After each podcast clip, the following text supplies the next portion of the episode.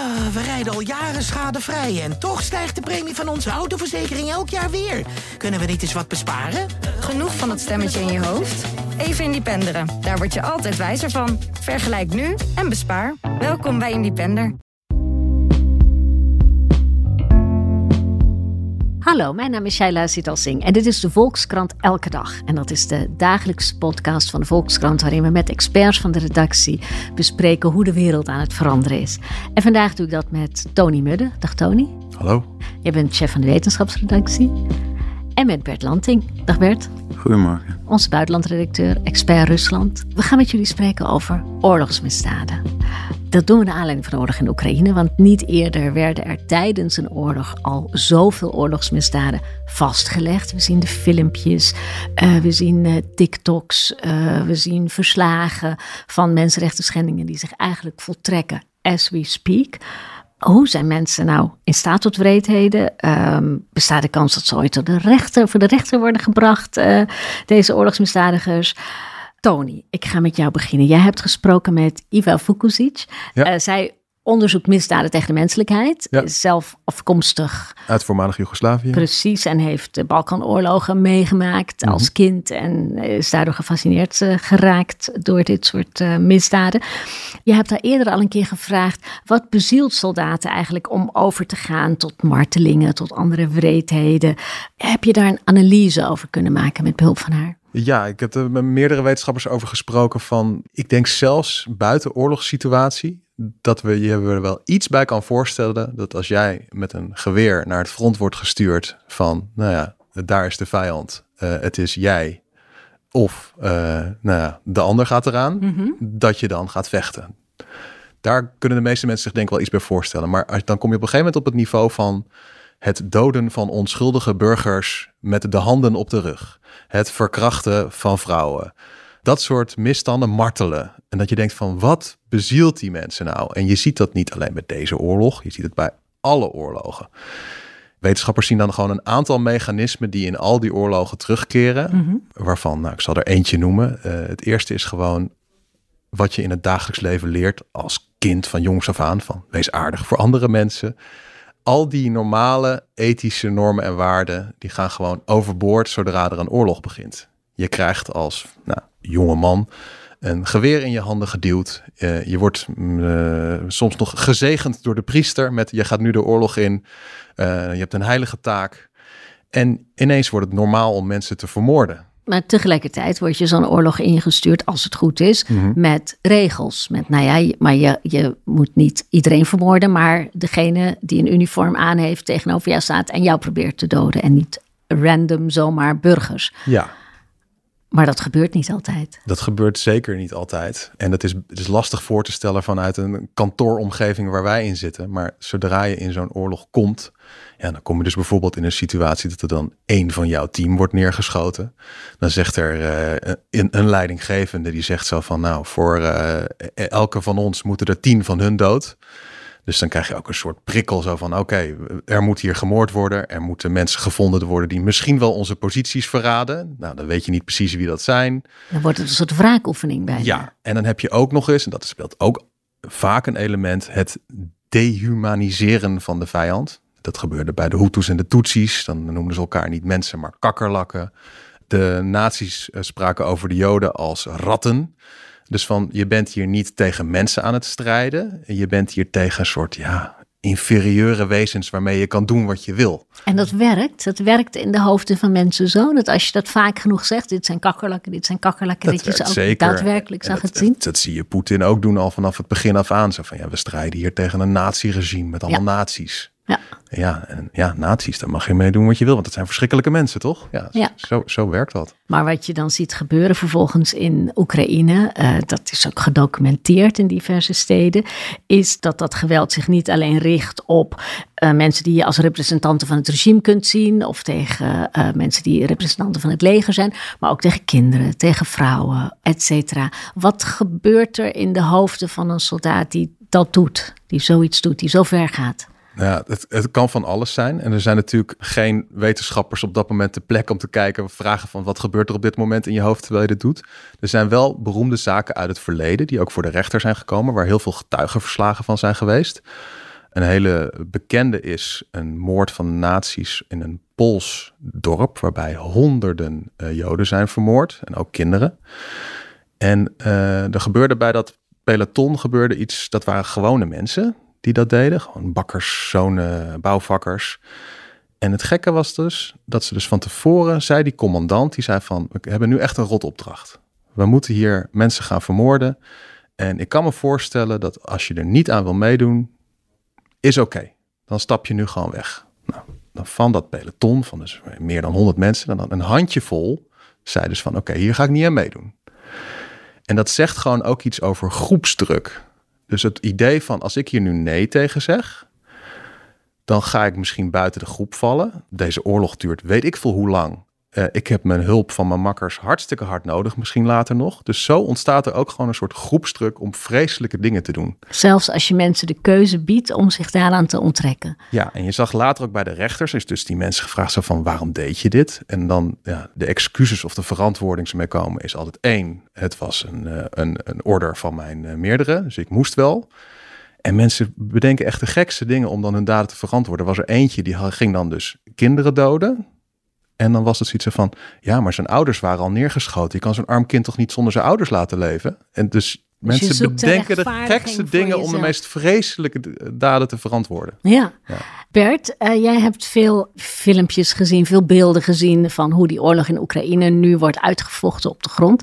Daar zien we ook veel uh, misdaden. Wat voor type oorlogsmisdaden zien we daar nu allemaal? Nou ja, ik denk dat je echt uh, vrijwel het hele, ja, alle mogelijkheden uh, ziet. Mm -hmm. Natuurlijk, uh, wat we net gehoord hebben, zijn mensen die zijn doodgeschoten gewoon om, omdat ze op de fiets voorbij reden. En de Russen die dachten, of tenminste dat werd uh, door hen werd dat als verklaring uh, gezegd. Ja, ze dachten dat die misschien hun positie zouden doorgeven aan uh, de Oekraïnse strijdkrachten enzovoort. Nou ja, er zijn ook natuurlijk zijn er verkrachtingen geweest. Ook misdaden tegen kinderen. Maar ik denk, als we even terug te gaan naar wat we net besproken hebben. Ik denk wel dat een heel groot probleem is dat het naleven van het oorlogsrecht dat is nou niet echt iets wat prioriteit heeft eh, in de opleiding van Russische militairen, krijg je de indruk. Je hoort ook nooit van uh, dat er achteraf, uh, dat er onderzoek naar gedaan wordt. Terwijl als Nederlandse militairen rondlopen in Afghanistan, dan weten ze dat als zij op een gegeven moment tegen burgers optreden, dan nou, krijg je daarna krijg je een onderzoek en uh, dan komt mevrouw Zegveld, uh, die komt achter je aan en dan heb je echt uh, problemen. Ja. En er worden mensen worden ook voor de krijgsraad natuurlijk gebracht. Dat gebeurt niet vaak, maar ja, dat soort onderzoek, dat gebeurt dus echt in Rusland. Tenminste, ik weet er niet van. de oorlog in Tsjetsjenië, daar zijn verschrikkelijke dingen gebeurd. Nou, daar, daar wordt uh, gewoon niet over gepraat. Dus het Russische leger is ook nog eens specifieker binnen deze mechanismes die Tony schetst. Is het Russische leger bestaat ook nog specifiek uit mensen die ook totaal niet worden opgeleid in, maar er bestaat zoiets als oorlogsrecht. En nou, er bestaat zoiets als dingen die wel en niet mogen. Nee, je krijgt echt de indruk dat dat nou niet uh, heel erg druk uh, besproken wordt. Maar ik, ik denk ook, ja, het, het hangt ook echt samen met uh, nou ja, de sfeer in het leger, maar ook de sfeer in de maatschappij. Russen die die zijn tamelijk gewend aan, aan wreedheid en, en rechteloosheid die ze om zich heen zien. Eh, de politie die pakt uh, activisten op en die worden eigenlijk ja, worden die beschouwd als, als vijanden en, en als een soort handlangers van het Westen dat erop uit is om Rusland te, te vernietigen. Zodoende worden ze behandeld. Ik bedoel, het komt heel vaak voor dat activisten gewoon op het politiebureau, dat die mishandeld worden. Zelfs komen er gewoon verkrachtingen voor. En het is niet zo dat er onder de bevolking dan een, een enorme beweging is die die zegt, hè, ook al, ook al uh, zijn ze het misschien niet eens met die activisten, maar die zegt, ja, maar je moet ze wel netjes behandelen. Zo, dat, dat idee heerst er niet? Nee, eerlijk gezegd niet. Uh, ik denk dat de Russen, die kijken daarnaar zoals wij naar het weer kijken. Het regent gewoon vaak. Men is zo gewend aan gewelddadigheden en, en, en Nou. heeft zo'n bloedige geschiedenis, dat er niet een soort intrinsiek gevoeld, eh, die, die, diep gevoeld idee is van, maar je moet wel op een bepaalde nette manier met je tegenstanders omgaan. Nee, nou, je merkt het echt op het ogenblik merk je het natuurlijk eh, gewoon veel, veel sterker. Het wordt gewoon. Kijk, ik- denk dat eh, je voelt wel dat Russen die. Die, eh, nou, die zijn meer gewend aan dat de overheid zo eh, tegen hen optreedt. Nu is het natuurlijk gewoon zo, het wordt nou gewoon gevaarlijk om, om daar tegen te protesteren. Ik bedoel, ik, eh, ik heb net, gisteren heb ik gelezen over een meisje van 12 jaar. Die zat op school en kreeg van de lerares kregen ze opdracht om eh, tekeningen te maken die dan naar de strijders in eh, Oekraïne zouden worden opgezet, het Russische leger in Oekraïne. En eh, dat meisje, die heeft een tekening gemaakt van een moeder. dat was een Oekraïense moeder en een kind. En die probeerde eh, raketten die vanuit Rusland eh, aankwamen vliegen, die probeerden ze tegen te houden met haar hand zo. Ja. En ze had erbij geschreven nee tegen de oorlog. Nou, dat, dat meisje is onmiddellijk heeft, eh, heeft haar lerares, die heeft de directie gewaarschuwd. Nee, is onmiddellijk is de politie gekomen. Ze hebben de volgende dag hebben ze haar vader ook nog gearresteerd. Ze hebben het hele huis hebben ze doorzocht. Hebben ze volledig binnenste buiten gekeerd. Ze hebben, daarbij hebben ze 3000 eh, dollar hebben ze gestolen van die lui. Een heleboel Russen hebben gewoon cashgeld altijd thuis. En nou dreigt die vader, en hij voedt dat kind alleen op. eh, die vader die dreigt nu eh, ja, veroordeeld te worden tot misschien wel drie jaar gevangenis. En dan moet dat meisje, dat moet naar een tehuis.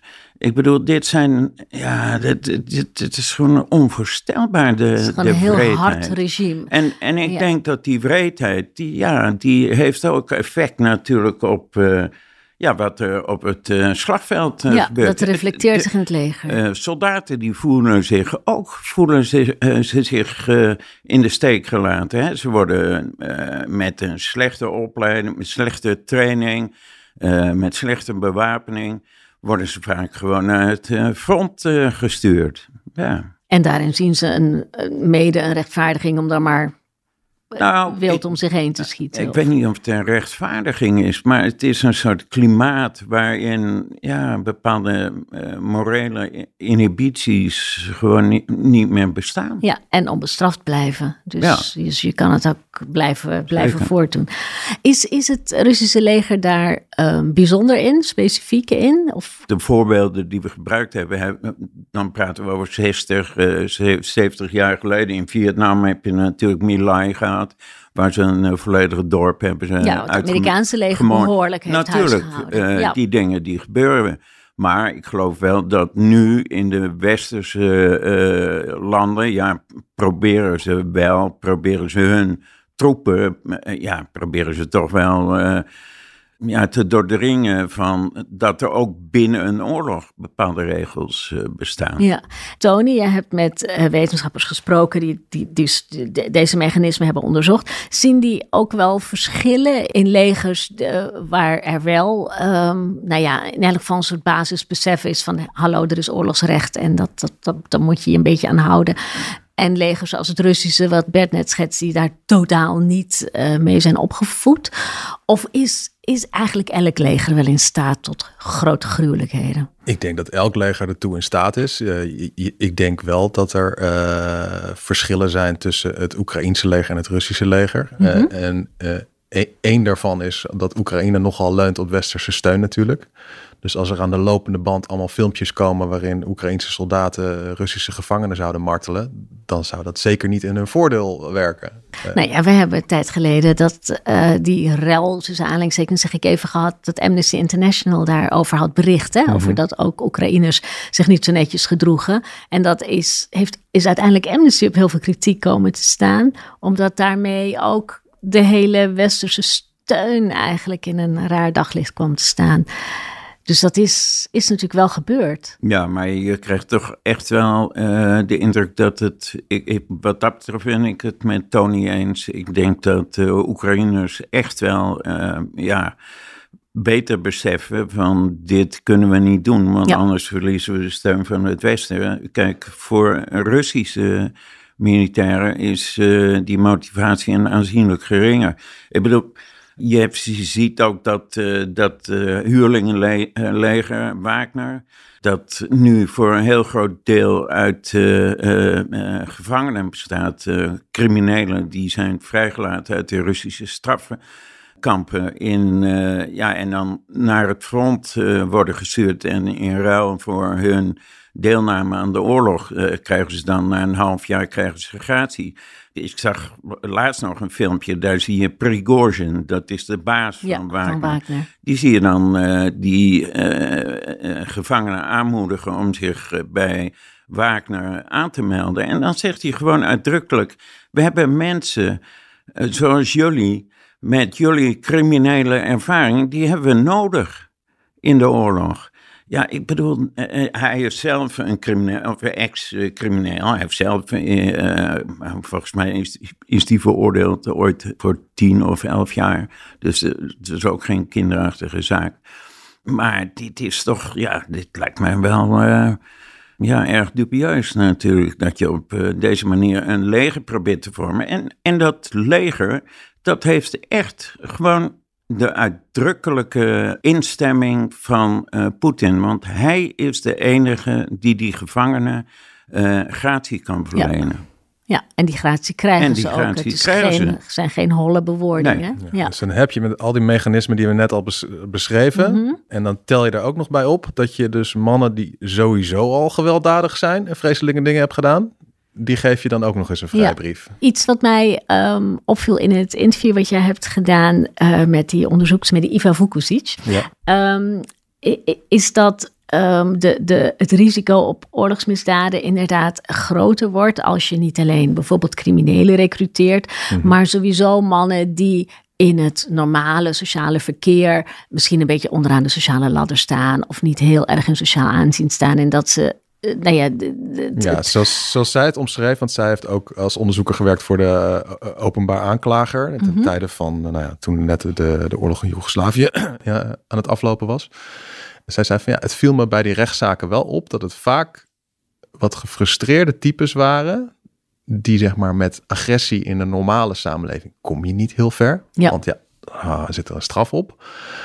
En dan ineens kwamen ze in de situatie dat, hey, hier kan het, weet je wel. En die, eh, nu kan ik ineens die, die leraar die me altijd onvoldoende gaf. Of dat meisje dat nooit met me uit wilde. Ineens heb ik een machtspositie. Dat is namelijk gewoon, ik kan dingen doen met een honkbalknuppel die ik voorheen niet kon doen. Ja. Het viel me op dat het best vaak dat soort types waren. dus ook een soort sociale wraak. Ja, Nou, wordt dit soort onderzoek eh, gedaan ook om daarna te kunnen vervolgen? Nou, jij zei net al, Bert, in het Russische leger zelf is er geen traditie van eh, ontsporingen, onderzoeken en vervolgen. In het internationale recht hebben we dat eh, wel. Wat is de, de kans dat ehm, het onderzoek wat nu wordt gedaan in Oekraïne uiteindelijk erin zal resulteren dat daadwerkelijk Russische oorlogsmisdadigers voor een internationaal tribunaal voor een gerechtshof verantwoording zullen moeten afleggen. in Oekraïne zelf zijn natuurlijk al een aantal Russische oorlogsmisdadigers veroordeeld. Dus Mhm. daar is al iets van eh, rechtspraak. Ja, Als je het hebt over een internationaal strafhof, eh, zoals dat gebeurd is bij het Joegoslavië-tribunaal. Dat zal ja, dat is, waar richt je je op? Hè? Want je hebt natuurlijk heel veel mensen die oorlogsmisdaden plegen. Dat krijg je gewoon niet afgehandeld met rechters en onderzoekers en noem maar op. Dus je zal je ergens op moeten focussen. Nou, er is- er wordt nu zo'n centrum gestart in, de, in Den Haag. Eh, onder andere Ursula van der Leyen, die heeft daarvoor gepleit. Ja. Om die oorlogsmisdaden te onderzoeken. En ja, dat zal zich dan toch op een gegeven moment moeten gaan richten van ja, wie zijn hier de hoofdverantwoordelijken? Ja, en dan kom je op mensen die dan zouden moeten worden uitgeleverd door Rusland. Of je moet er met een soort constructie komen met mensen die dan bij verstek veroordeeld worden. Het is natuurlijk super ingewikkeld. Net als met de MH17 eigenlijk. Hè? Je gaat niet heel ver komen misschien. Of, of wel, uh, Bert? Nee, ik, uh, ja, ik ben, wat dit betreft ben ik ongelooflijk uh, pessimistisch. Ik, ik denk in ieder geval zullen we het allerhoogste zullen we nooit eh, te pakken krijgen. Behalve natuurlijk, dat is de enige mogelijkheid, dat er in Rusland een volledige omwenteling uh, plaatsvindt. En uiteindelijk heeft Servië heeft natuurlijk ook uh, Milosevic en Mladic, die hebben zich gewoon uitgeleverd mhm. aan het uh, Joegoslavië-tribunaal in Den Haag. Maar ja, kijk, al die uh, tribunalen, het internationaal uh, strafhof in Den Haag gaat hier wel over. Maar het probleem is Oekraïne, uh, nog Rusland zijn erbij aangesloten. Ja, dus en dan zou het alleen kunnen worden voorgelegd in opdracht uh, van de uh, VN-veiligheidsraad. Nou, daar zit uh, Rusland zelf in. Die kan het met een veto uh, tegenhouden. En, en als je weer wat lager niveau gaat, officieren en zo die erbij betrokken waren. Rusland uh, levert geen eigen burger, uh, onderdanen uit. Dat, uh, dat was ook bij MH17 ja. natuurlijk. Sowieso wilden ze het helemaal niet, want ze ontkennen nog steeds dat ze daar iets ook maar mee te maken hadden. Maar daar, daar moeten we ons weinig van voorstellen. Toch geloof ik niet dat zoiets als in wat ze nu in Den Haag willen gaan proberen, dat dat helemaal zinloos is. Want ik kan me best voorstellen dat er worden op het ogenblik worden er veel gewone Russische uh, mannen die in het leger hebben gezeten, die worden nou opgeroepen. Hè. Er was laatst dus die in, in september 300.000 man hebben ze opgeroepen. Ik kan me wel voorstellen dat daar een aantal, ja, behoorlijk aantal bij zit, die denken, oké, als die oorlog nou afloopt, dan kan ik me dus uh, misschien niet meer in heel Europa uh, vertonen, want wie weet gaan ze me oppakken. Ik denk dat uh, ja, gewoon mensen natuurlijk van het, de hoogste leiding in Rusland, die hebben zich daar al bij neergelegd dat ze voorlopig hoeven ze zich hier echt niet meer te vertonen. Dan lopen ze gewoon gevaar. En Tony, hoe belangrijk is het voor slachtoffers of voor een samenleving die slachtoffer is geweest van dit soort misdaden, om toch een poging tot vervolging te wagen? Heel belangrijk. En dat, dat zie je ook gewoon aan het aantal zaken en het aantal onderzoeken dat nu begonnen is. En dat is ook wel, dat, ja, dat vond dus uh, Foucault ook heel bemoedigend ten opzichte van eerdere oorlogen. Ze zegt van, ik heb nog nooit bij eerdere oorlogen en genocides gezien dat er zo snel zoveel uh, mankracht en vrouwkracht wordt vrijgemaakt om in kaart te brengen van wat gebeurt hier nou precies. En dat ook de technieken daarvoor zijn. Hè? Wat je bijvoorbeeld zag bij die, uh, bij die moordpartij in, uh, in Bucha mm-hmm. in Oekraïne. Dat dus nou, onder andere de, de New York Times dus gewoon binnen een aantal maanden gewoon echt in kaart heeft gebracht. Gewoon op basis van filmpjes die vanuit de ramen zijn gemaakt door mensen die het zagen gebeuren. Satellietbeelden met van nou toen lag er nog niemand en toen lag er wel iemand emblemen op de, op de uniformen van de soldaten. Dat ze kunnen zien, oké, het was die eenheid die het gedaan heeft. Dus dat er gewoon echt al een behoorlijke bewijslast ligt. Al heel snel met wat hier gebeurd is. En dat is wel uniek. En naast die uh, bewijslast of bij die bewijslast zitten ook filmpjes die de soldaten zelf hebben gemaakt. Hè? De, de overtreders, de daders. Waarom doen ze dat? Waarom maken ze zelf filmpjes van hun eigen overtredingen of hun eigen vreedheden. Ja, het kan verschillende doelen hebben. Nou, de, de, het beruchte filmpje van de, van de Wagner-baas, die jij ook al even aan, uh, aanhaalde ja, er is dus gewoon een filmpje dat dan op een gegeven moment binnen Wagner wordt dus een, een, een deserteur die wordt met een, uh, het was niet een honkbalknuppel, wat was het? Een moker, ja, met een sloophamer. Ja, ja, die wordt dus gewoon doodgeslagen. Dat wordt gefilmd en rondgestuurd. Ja, dat kan dus een soort waarschuwing zijn van wie niet met ons is, is tegen ons en dit kan er dan met je gebeuren. Dat kan erin zitten. Maar het kan ook iets heel ja, plat zijn. Dat is namelijk, wij zijn ook de hele dag aan het filmen wat we aan het doen zijn. En dat aan het sturen naar onze vrienden met kijk hoe zo ziet mijn leven eruit. En wat een uh, leuk diner hebben we hier. Ja, als jouw dagelijks leven is schieten vanuit een loopgraaf. En je hebt een mobieltje bij je. Dan maak je daar misschien ook wel filmpjes van. Gewoon de diep menselijke neiging om te delen Om wat vast je te aan het leggen doen wat bent. je doet. Ja. Nou, dat denk ik ook wel. Maar ik denk dat dat eh, element van intimidatie toch ook wel eh, meespeelt. Je, had- je hebt ook gehad eh, dat de Wagner-soldaten in eh, Syrië op een gegeven moment een deserteur uit het eh, leger van eh, president Assad dat ze die te pakken hebben genomen. En die man, het is echt vreselijk, ik heb die eh, beelden wel gezien, die, die slaan ze helemaal met een moker, slaan ze zijn gewricht helemaal een stuk, eh, ze snijden zijn hoofd eraf en steken hem ook nog in brand. En dat is eigenlijk natuurlijk, als je daarnaar kijkt, dat hebben ze ook naar buiten gebracht. Je ziet hen er zelf trouwens opstaan, dus die, die lui zijn ook bekend. Eh, de namen daarvan zijn zelfs eh, bekend, maar die zijn eh, nooit voor het gerecht gebracht in Rusland. Eigenlijk zie je wel een soort parallel met natuurlijk wat Islamitische Staat, die terreurgroepen ook deed. Hè, die zonden natuurlijk ook beelden uit van hoe zij mensen executeerden. En herinner je je misschien nog wel van die, die piloot, eh, die op een Jordaanse Ja. piloot of In zo. een kooi die in, Die ook in in, een in kooi. brand en werd die, gestoken. Die, Ja. eh, die, die hebben ze daarin verbrand. En dat, dat is natuurlijk toch gewoon dat, dat angst inboezemen bij de tegenstander. Dat, ja, dat speelt af en toe toch ook wel mee. Ja, het gaat het vestigen van terreur Ja. gewoon via beelden. Zeker. Dus dat je al zo bang voor ze bent dat je bij voorbaat misschien al Absoluut, daar, overgeeft. daar, daar is iedereen bang voor. Ja. En nou, helemaal tot slot hebben we net al eh, een beetje besproken nou ja, dat zo'n internationale rechtsgang misschien eh, nee, niet heel veel kans van slagen heeft. Zeg maar, denken dat, dat uiteindelijk Vladimir Poetin zich hiervoor zal moeten verantwoorden. Is dat een illusie? Ik denk alleen als er een omwenteling in Rusland eh, gebeurt. En ik kan me geen ander scenario voorstellen. Nee. Dankjewel Tony. Dankjewel Bert. Ja. En u luisteraar, ook weer heel veel dank voor het luisteren. En krijgt u niet genoeg van onze journalistiek, dan kunt u ook een heel voordelig abonnement op de Volkskrant afsluiten. Dat kunt u door te gaan naar www.volkskrant.nl slash podcastactie. En dan kunt u via een abonnement onze hele journalistiek tot u nemen. Van website tot printkrant tot alles erop en eraan. Dit was de Volkskrant Elke Dag. Morgen is er weer een nieuwe. Tot dan.